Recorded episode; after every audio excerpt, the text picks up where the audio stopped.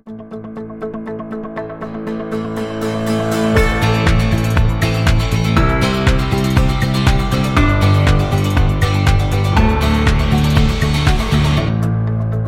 til Sirkuler, AFO Norges podkast om resirkulerte råvarer og sirkulær økonomi.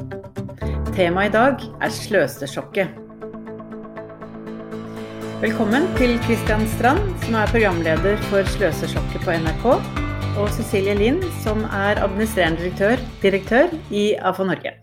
Tusen takk. Takk for det. Veldig hyggelig å ha dere her. Og det er jo en veldig, veldig spennende serie som nå er dratt i gang på NRK. Så Kristian, eh, kan ikke du si litt om hvordan var det dette startet, og hvordan oppsto ideen, og hvordan har dere jobbet? Ideen startet eh, egentlig rett før eh, Norge eh, lukket seg, eh, tidlig i 2020. Hvor vi da hadde laget Matsjokket som var en serie hvor vi tok matsvinn skikkelig på alvor. Vi mente at det kunne ikke fortsette på den måten som, som vi så, eh, enten om det var eh, lam og sau som lå på lager som ikke ble brukt, eller om det var bananer, brød eller, eller brus. Eh, vi så at det var store mengder med avfall innenfor matindustrien, eh, og det tok vi tak i og laget da Matsjokket. Når vi kom ut derfra, så var det sånn Oi, dette var noe som virkelig traff. Eh, vi merket at både næringslivet, men også politikerne tok tak i det vi tok opp, og, og, og gjorde endringer. Så vi begynte å se på andre områder da, hvor, hvor, det var store mengder med avfall av ting som vi mener da kunne vært brukt på en helt annen og bedre måte enn det det, det blir i dag. Da. Så vi begynte å se inn i forskjellige næringer, og da endte vi opp med elbiler, klær, elektronikk, kontormøbler og sportsutstyr. Og så var det da å finne ut av hvordan skal vi på en måte treffe målgruppe og mennesker med denne tematikken. Fordi sirkulærøkonomi, som vi skal snakke mer om i dag, det er for veldig mange noe som bare går rett over hodet på folk.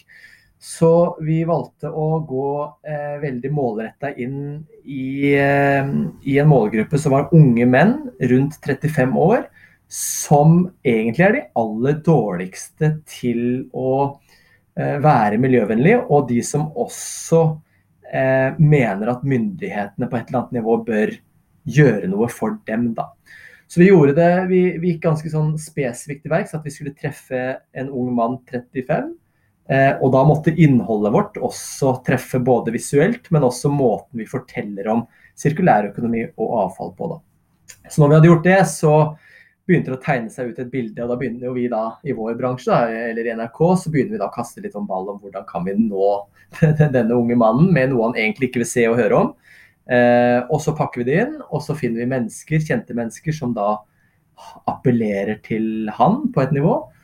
Og så tydeliggjør vi da journalistikken. altså Hvordan kan vi enklest mulig fortelle det vi egentlig ønsker eh, til han, eh, slik at han, etter at serien er, er vist, endrer sin atferd. Så det er på en måte det vi kaller litt sånn konstruktiv journalistikk. Altså Vi har jo flere måter å drive journalistikk på, men den måten vi har valgt, er konstruktiv journalistikk, som da går på at vi ønsker en løsning med den journalistikken som vi eh, begir oss ut på. Vi er, ikke, vi er, ikke, nyheter og debatt som på en måte skal eh, trekke opp begge sider av en tematikk, og så skal de eh, debattere det. Men vi mener at istedenfor å ha pekefinger, og istedenfor å eh, påpeke hva man skal og burde gjøre, så trekker vi heller inn flere aktører for å vise ned løsninger. Da. Og dette er en litt sånn ny måte å drive journalistikk på. så Um, man ser jo det at jeg i denne serien er mye mer sånn aktivistisk eh, enn det man er egentlig vant til. Klassisk dokumentarisk sjanger er jo ikke sånn. Uh, men dette er noe danskene og DR begynte med for noen år siden, som vi har kastet oss på. da. Mm. Ja, så, ja, du tar jo en veldig aktiv rolle, men du engasjerer jo også um, den som du har med deg, da, som, som hovedpersonen, gjennomgangspersonen i episoden. Så, og da har du valgt litt forskjellige typer, har vi, har vi sett. Ja. Og nå, eh, nå, venter vi denne, denne, uka som vi nå også spiller inn podkasten, så er temaet kontormøbler. Og da har du fått med deg en sentral politiker, har vi, har vi skjønt? Eh, jeg var tidlig ute på å ville ha med en politiker i en av episodene. Fordi eh, det vi også merket hos denne 35-åringen som vi prøver å treffe denne serien med, det er at mange ønsker at det skjer en politisk endring med ting. Noen må gjøre noe for deg. Det kan ikke bare være meg som forbruker som må endre meg.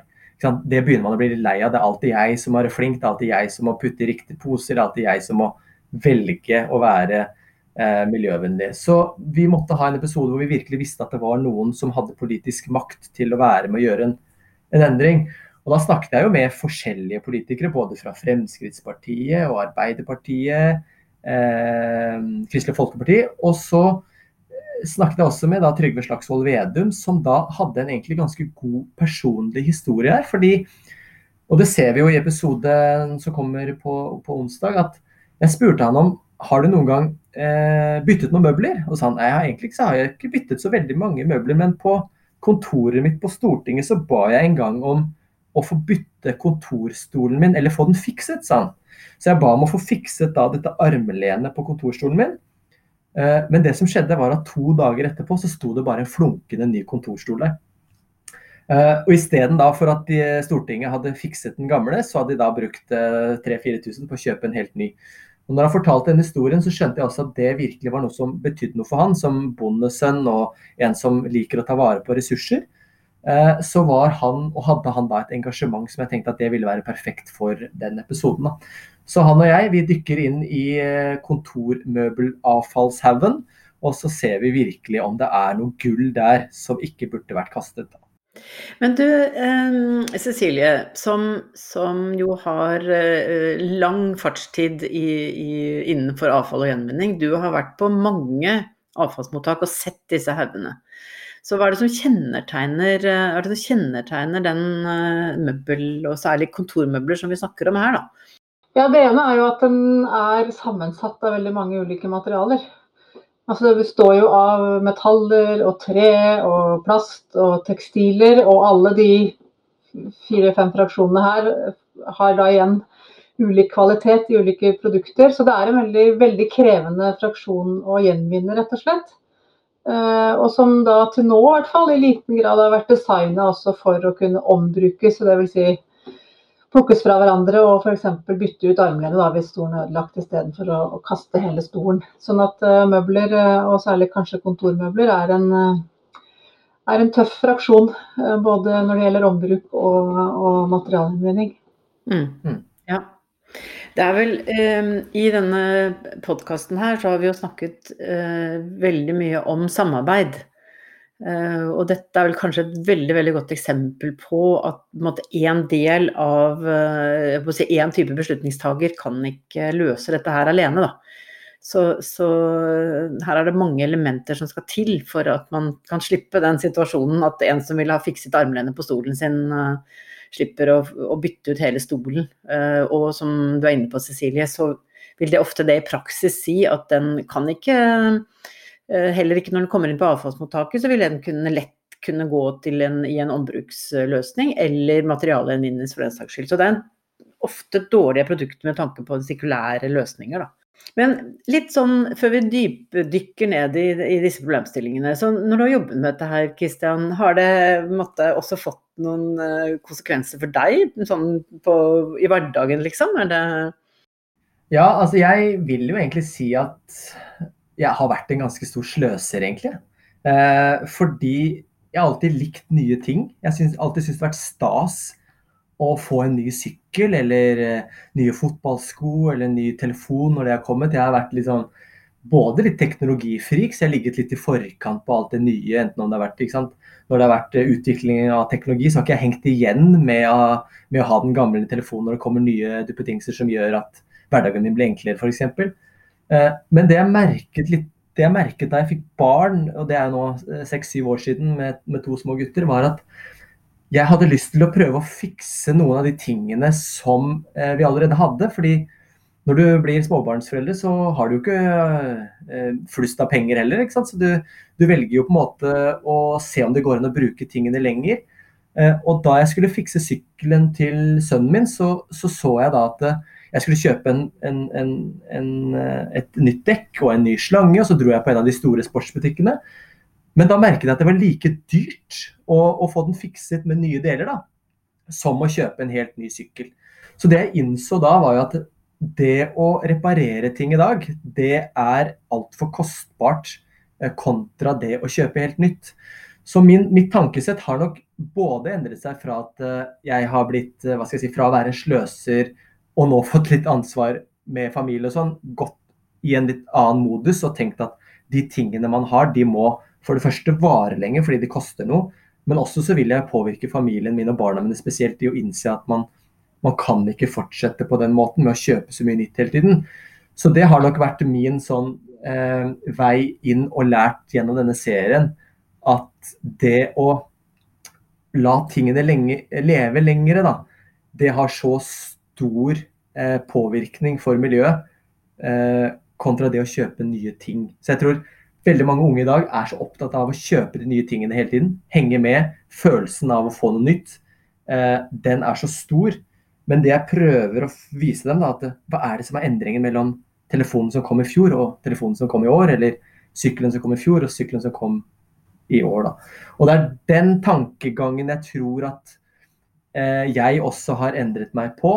Eh, samtidig som jeg da ser at shit, nå har jeg jo litt mer penger å, å rutte med hvis jeg klarer faktisk å, å bruke tingene lenger eller, eller reparere. Da. Så eh, jeg tror det er det jeg kanskje sitter mest igjen med, samtidig som det store sjokket sjokket som har møtt meg hver gang jeg har gått inn og sett på de store avfallshaugene. Når jeg har vært på Norsk Gjenvinning nå med Trygve Slagsvold Vedum og sett eh, 200 flyttebiler komme inn med kontormøbler. Altså, vi fant gamle danske designstoler som, som ser helt nye ut. Altså, det er finere enn mye av det vi har her på dette kontoret her, på NRK, hvor jeg sitter nå. Eh, som de bare destruerer. Da. Eh, så tank, liksom, den, den, følelsen du noen gang får på en sånn buffé, når du får all maten liksom servert og du bare blir helt mett og nesten litt kvalm, eh, den har jeg fått ved å besøke, enten om det har vært Norsk Gjenvinning eller Revak i Tønsberg eller andre steder hvor store mengder med avfall kommer. da. Ja, og det er jo um, Du skrev jo faktisk på, på Twitter, Cecilie, at uh, blir du sjokkert av sløsesjokket? For det blir dessverre ikke vi. Um, hva tenkte du på da?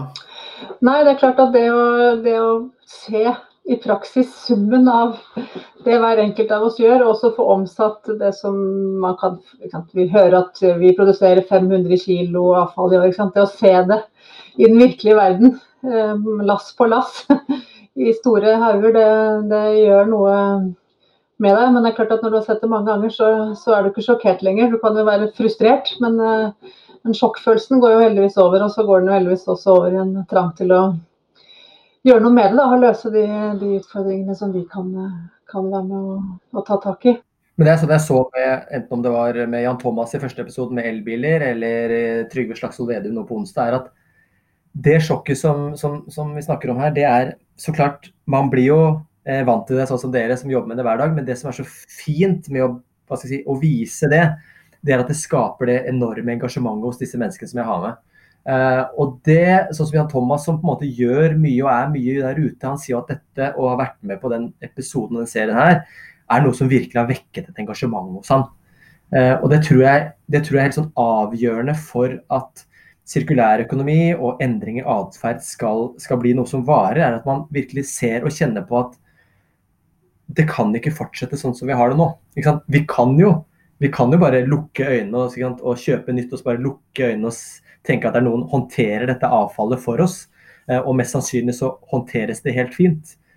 Eh, men når det er de mengdene som vi ser, og vi ser at mange av de tingene som havner der, burde jo ikke havnet der i den tilstanden som de er. De er ikke brukt godt nok, de er ikke utbrukt. De er brukt veldig, li, eh, veldig liten tid av livsløpet. Og det er der jeg på en måte gremmes litt over at vi er så raske til å, raske til å kaste ting. I gamle dager så kastet man kanskje ting når det var helt ferdig, når det var helt utbrukt. Det gikk ikke nesten an å bruke det lenger.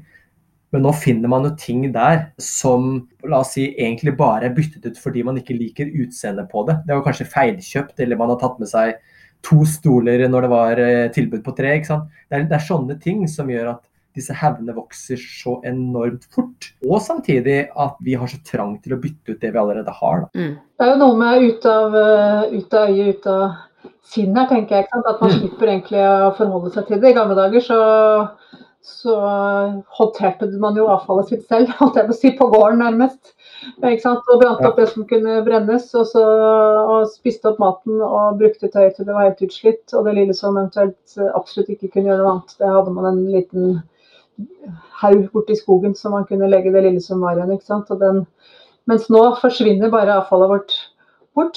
Eh, vi ser det mm. ikke hjemme i gata. Vi er på Eningsstasjonen, så ser det proft og ryddig og, og strømlinjeforma ut. Så vi trenger egentlig ikke å forholde oss til den delen av, av sløsinga i det hele tatt. Da. Så der uh, er vi jo takknemlige for den, uh, den drahjelpa som Fløstersjokket gjør til liksom å opprettholde den bevisstheten rundt hva det her forbruket faktisk medfører. Men også det å jeg har jo vært frustrert mange ganger, fordi jeg syns ofte at når vi snakker om avfall og gjenvinning, så snakker vi som om yoghurtbegre og plast, ikke sant. Men det er utrolig mye mer avfall og mange andre strømmer som vi også uh, bør tenke oss om godt om som forbrukere, da. Uh, hvordan vi agerer. Så det å være med å bredde ut perspektivet på, på hva dette ressursforbruket handler om, det, det er veldig positivt. Ja, det er sånn, det, er sånn, det var jo litt det jeg også tenkte før vi gikk i gang med serien. at vi er veldig obs på den blå posen med plast? Og, og den uh, grønne posen med matavfall, og så resten er bare uh, restavfall.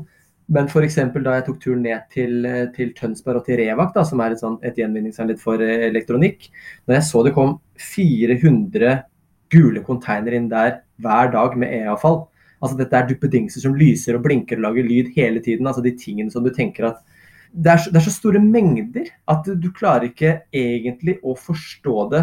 Så når Tix og jeg sto der, så var det, det var som å være inne på Elkjøp og bare tenke at alle de tingene på Elkjøp kommer til å havne her om ikke kort tid. Og det var nok for en som er veldig glad i elektronikk, da, sånn som meg, så var det eh, noe som virkelig satt litt sånn eh, inntrykk på meg. fordi det er jo ting jeg forholder meg til hver eneste dag. Enten om det er lekene til barna mine som er produsert med med plast og elektronikk som etter kort tid bare havner der, eller om det er headset som jeg sitter med nå for å gjøre denne podkasten her, som bare destrueres på kort tid. Altså, det er så mye det er så mye ting som eh, som vi bare tenker, litt som Cecilie sier, som bare eh, vi, vi, bare kaster det fra oss og tenker at da er det bare ute. Men så er det noen som må håndtere det.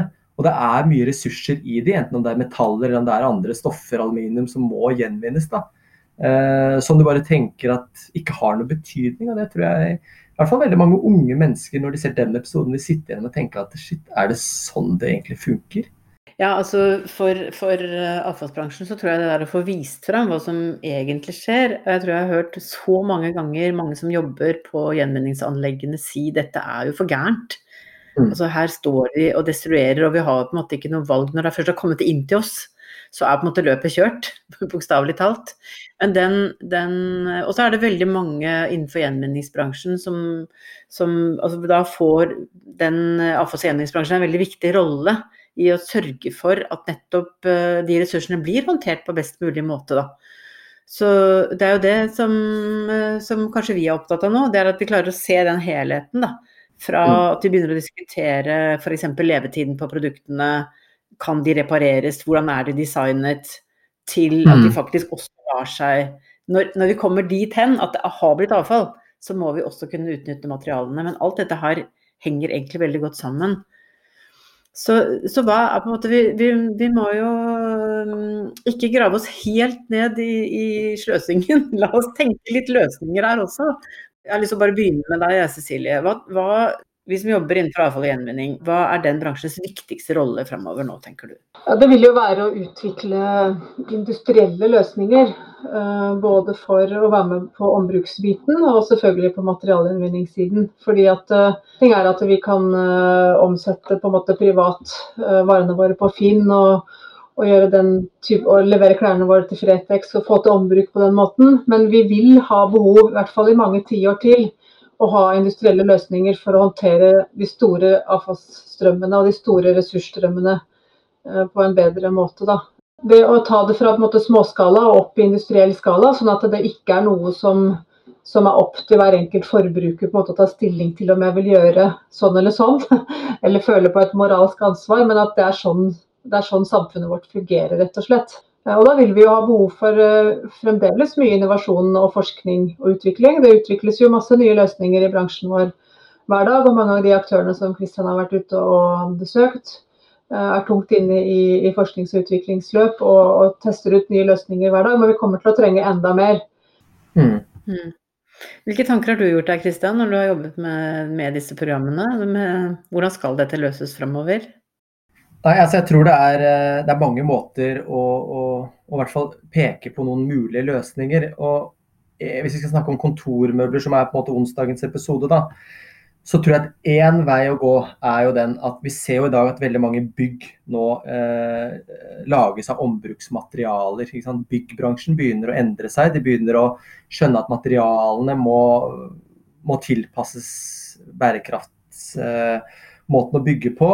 Eh, og der tenker jeg at de som skal inn i disse byggene, altså bedriftene og selskapene som velger å gå inn i det, eh, de må eh, kunne tenke ombruk av de møblene som man allerede har. Og Det har vi eksempler på, f.eks. Asker kommune. Da de skulle ta en sammenslåing mellom Hurum og, og Asker kommune så, og Horten, så valgte de da å gå for, et, gå, gå for ombruk av de møblene som de allerede har. Og per, Per, eh, per dags dato så har de da spart 16 millioner kroner på, på å gjøre det. Eh, så jeg tror at hvis man, hvis man på en måte har muligheten til å tenke det først, altså tenke, hvis innkjøpssjefer eller hvem det er nå som står for det, og selskapene seg selv har det som en sånn Går det an først å tenke den måten, for så å tenke nytt, eh, så tror jeg man i hvert fall på et eller annet nivå kommer et stykke på vei. Eh, og så tror jeg det offentlige også her har muligheten til å gå foran som en sånn foregangsfigur. da. Eh, fordi vi vet jo i dag at det offentlige er en av de aller største innkjøperne av kontormøbler.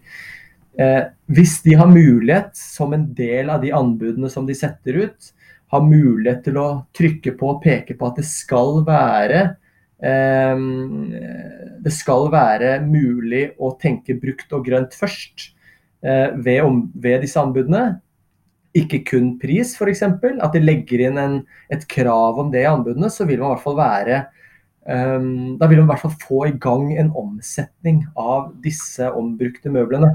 Og så vil man jo da kunne gi noen rammevilkår for de som driver i denne næringen, som driver i ombruksnæringen. F.eks. et selskap som heter Go Good, da, som er unge folk som, som velger å ombruke. La oss si at de hadde fått noen ramme, økonomiske rammevilkår som hadde gjort det enklere og billigere, sånn som Cecilie snakker om. Altså at det er billigere å bruke f.eks. reduksjon i reparasjon, altså en reduksjon i, i, i, moms ved reparasjon. La oss si at de hadde fått det. Så hadde det kanskje vært en, en mulighet at dette hadde vært noe som bedrifter hadde valgt. da. Og så tenker jeg at det, det må på en måte uh, stilles noen Ikke om krav til til produsentene, men produsentene må også tenke litt igjennom hvordan og hva slags møbler de lager fremover. Det er noe med det at hvis ting ikke lar seg reparere, så er det billigere å kjøpe nytt. Så, så næringsministeren, jeg vet ikke om hun har noen mulighet til det, men jeg, de bør i hvert fall stille noen krav, sånn som, sånn som malingbransjen gjorde da de måtte fjerne alle farlige, farlige tilsetningsstoffer i malingen sin. Altså Det må være noen krav som gjør at det må kunne repareres på, til et visst nivå. Og så må man slutte å blande altfor mye materialer, sånn at det er umulig å, å gjenvinne dette her. Da. Vi har jo to viktige drivere her, tenker jeg. Og det ene er jo forbrukerne. Vi ser jo det, mm. Eh, og det er tilbakemeldingen vi får fra, fra produsentene også, at forbrukerne er en veldig viktig driver egentlig for, eh, for mm. å omstille rett og slett produktene til mer grønnere, grønnere versjoner enn det, enn det, de har i dag. Da. Så, så jeg tror jo at vi kommer til å se mye bevegelser på produsentleddet som ikke nødvendigvis er avhengig av endra eh, krav fra myndighetene, men som er drevet fram av at, at når vi, du og jeg går i butikken, rett og slett, så kommer vi til å være mer bevisst.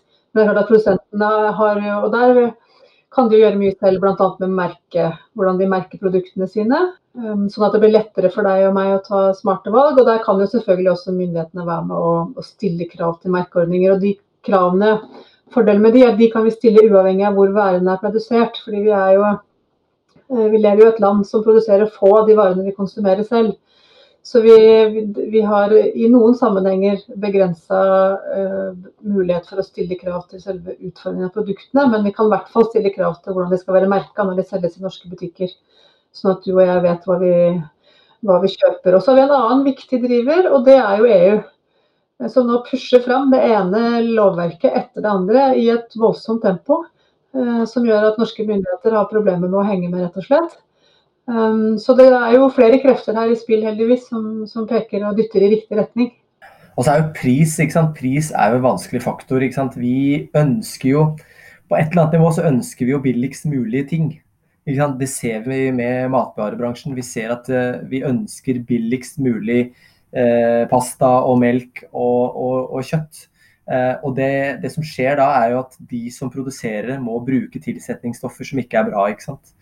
Eh, og så ser vi at Hvis du da eh, gjør det økologisk eller du gjør det mm, mer bærekraftig, så blir det for dyrt for, for konsumentene.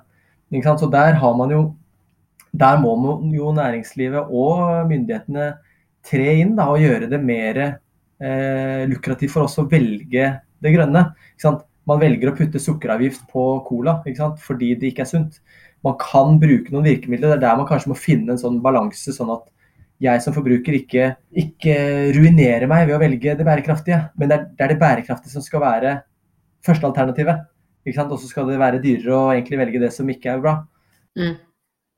Men er det sånn at eh, Jeg tenker jo også at i hvert fall særlig næringslivet, da, og enten det er offentlig eller privat, uh, i og med at er, vi, vi snakket, har snakket mye om kontormøbler her nå, at dette henger jo også sammen med bærekraftsrapporteringen til bedriftene. da.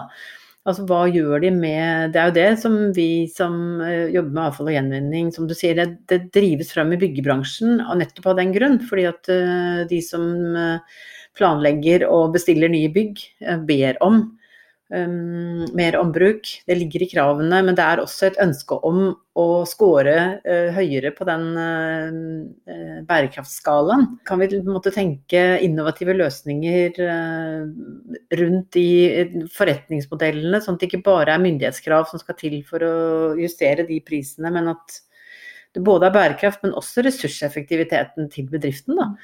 At man bruker mindre ressurser, og det, skal, eh, det lønner seg for bedriften. Kan vi finne den type systemer? Ja, jeg tror, altså, hvis, man, hvis, du tenker at alle bedrifter på et eller annet nivå har lyst til å spare penger, og hvis man klarer å vise til ved å gjøre det på denne måten, spare 16 millioner kroner, eller hvis, sånn som vi også tar for oss Nav Oslo, når du viser til at du både kan være bærekraftig og du kan spare penger, så tror jeg hvilken som helst bedrift vil kaste seg på det. Men så er det jo utfordringen at ikke alle vet hvordan man skal gjøre det. Og det er der utfordringen er det. Det må være noen som virkelig vil noe, eh, og så må det være noen som vet hvordan man skal gjøre det. Og så må du da sitte igjen med eh, en bunnlinje som gjør at dette er, eh, dette er lukrativt for oss. da. Men jeg tror man er på vei. Man ser det med byggene, som du sier, Nancy. Byggene og byggebransjen har valgt å gjøre det, og det, og det viser at byggene blir kulere bygg, bedre bygg flottere bygg enn mange av de andre byggene som bygges. Eh, og det er helt avgjørende for at man kaster seg på. Det nye bygget på Tullinløkka, som, som, nå bygges, som Entra er en del av også, som viser seg å være et fullt ombruksbygg, er jo et kjempekult bygg som veldig mange unge startups og bedrifter og andre har lyst til å komme inn i. Eh, og, og, sånn er det også med møbler. Du kan ikke sitte og ombruke de kjipeste møblene. For det er ingen som gidder å ha de kjipeste møblene, for du skal fortsatt være den kuleste bedriften å jobbe i. Men hvis du klarer det, bare se hva vi har klart, og hvor fett det har blitt dette kontoret her eh, i Bjørvika, eh, men vi har spart 16 millioner, så vil jo det være ganske, ganske lukrativt for alle. da. Eh, og det er der det må være med å stimulere de som eh, ombruker og endrer disse møblene til virkelig å ta opp kampen med Ikea eller andre steder hvor man i dag går og kjøper møbler. da. Sånn at det er faktisk like kult og like innovativt å bruke de. For jeg tror ikke du vil klare å få veldig mange til å ombruke møblene sine, så la oss si NRK her, da, hvis de blir kjipe eller like kjipe som de er i dag. Det må være noe som gjør at du velger å gå for en ombruksløsning, ikke bare grønt, men det er det kuleste. ikke sant? Og Det er jo litt den du kanskje har klart med en del mat, matprodukter, sånn som Beyond Burger, som virkelig har klart å få en burger som er helt grønn, men smaker sykt digg. Da er det ikke noe problem for meg å gå over på en grønn burger, eller Tesla, som er en kul bil, og gå fort. Du har klart noe. Det må du klare med møblene også. at uh, den, uh, Det er ikke kun sant, bestemors gamle stol som skal trekkes om og så få noe sånn greie på seg, men disse møblene er, har vært brukt nå i ikke, fem forskjellige kontorer og fortsatt fungerer like bra og er dødskule. da tror jeg liksom i hvert fall unge bedriftsledere vil kaste seg på, da. Ja, det er, det er en veldig positiv tanke. Altså, Cecilie, litt sånn i riktignok ganske liten skala, da. Men for Norge gjorde jo et lite forsøk på på vi skulle innrede en ny del av, av kontorene. Så mm, da jaktet vi på, på landbruksmøbler. Hva, hva var erfaringene egentlig? Ja, vi, bestemte, vi hadde lyst til å innrede et lite nytt møteareale i lokalet vårt. Men vi var ikke helt sikre på om det her var en permanent løsning. Vi ville teste litt i forbindelse med at vi lagde et nytt digitalt studio. Og da, da var vi ute for å se om vi gikk an å leie, leie møbler, rett og slett. Fordi vi var usikre både på hvilke møbler vi trengte, og hvor lenge vi eventuelt skulle ha møblene, og om det kom til å bli en permanent løsning. Så da endte vi, og har vi endt opp nå med å leie de møblene, og har gjort det siden sommeren omtrent. Og det, grunnen til at det var interessant, var jo at de kunne levere det vi hadde behov for, altså en fleksibilitet. Uh, og at vi visste at dette kanskje ikke var møbler vi kom til å ha bruk for i mange mange år, men som vi skulle teste ut et nytt konsept, rett og slett. Um, så det, de er jo litt, egentlig litt dyrere enn de ville ha vært i innkjøp. Over lang tid. Men i det litt kortere perspektivet som vi har på, den, på det arealet her, så, så, er det absolutt en eh, konkurransedyktig løsning. Og så var vi jo spent på å se både hva som var i markedet og hvordan det ville funke i praksis. Da. fordi dette er jo spennende løsninger, så vi har lyst til å være med å dytte fram og heie fram. Mm. Ja, jeg tror, jo, jeg tror, det med leasing av møbler er jo, er jo, virkelig noe som Hvis man får det opp i stor skala, så, så vil jo det fungere. Hvis man kan lease ut ombrukte møbler.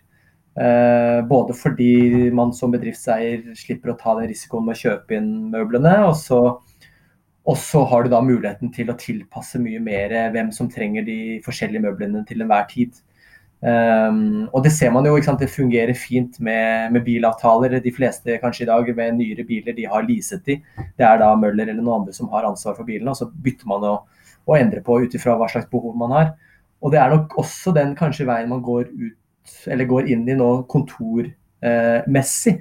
At man, ikke helt, man kanskje ikke helt vet hvordan kontorplassene og kontorene kommer til å se ut. ikke sant? Sånn som når NRK nå skal bytte, uh, bytte bygg, ikke sant? så vet jo ikke vi 100% om ti år hvordan vil vår måte å jobbe på se ut.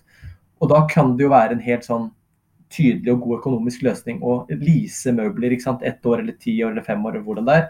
Men da kunne jo da det vært helt sånn Hadde man satt på hadde man hatt en, måte, en stor eh, en, stor, en, en, bedrift som kan skalere dette opp da, med, med, mye, så ville det vært en god løsning. Relokator eller noen som driver med dette her.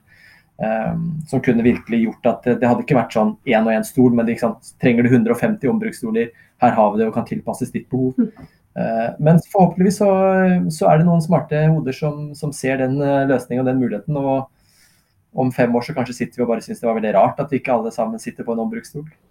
Så fikk vi jo testa, vi fikk jo testa møblene i lokalet, så vi fikk sett hvordan de faktisk passa. For det er jo litt av utfordringen, at man tenker kanskje at det og det blir fint eller funksjonelt eller det passer av den sittegruppa der, og så viser det seg at den blir aldri brukt. Uh, fordi de ansatte har ikke lyst til å sitte akkurat der. Så her fikk vi jo muligheten for å teste møblene en periode til vi var sikre på hva vi ville ha. Og så bytta vi ut litt, og så beholdt vi noe, og så satte vi igjen med akkurat det vi trengte, da. Ja, um, det vil jo være veldig bra, da, etter å ha åpnet med å snakke om det, de sjokkene som er knytta til, til, det store forbruket og hvor mye vi kaster, at vi ender på en en positiv, mulighetsorientert tone. For her ligger det jo også masse muligheter. Så um, jeg tror rett og slett det blir siste ord i dag. Så tusen takk, Kristian uh, Strand, for at du kom til AFO Norges podkast. takk til deg, Cecilie Lind. Og mm, takk til produsenten vår i dag, som er Håkon Bratland. Og følg gjerne med på nettsidene til AFA Norge for mer informasjon. Så takk for i dag, og ha det bra.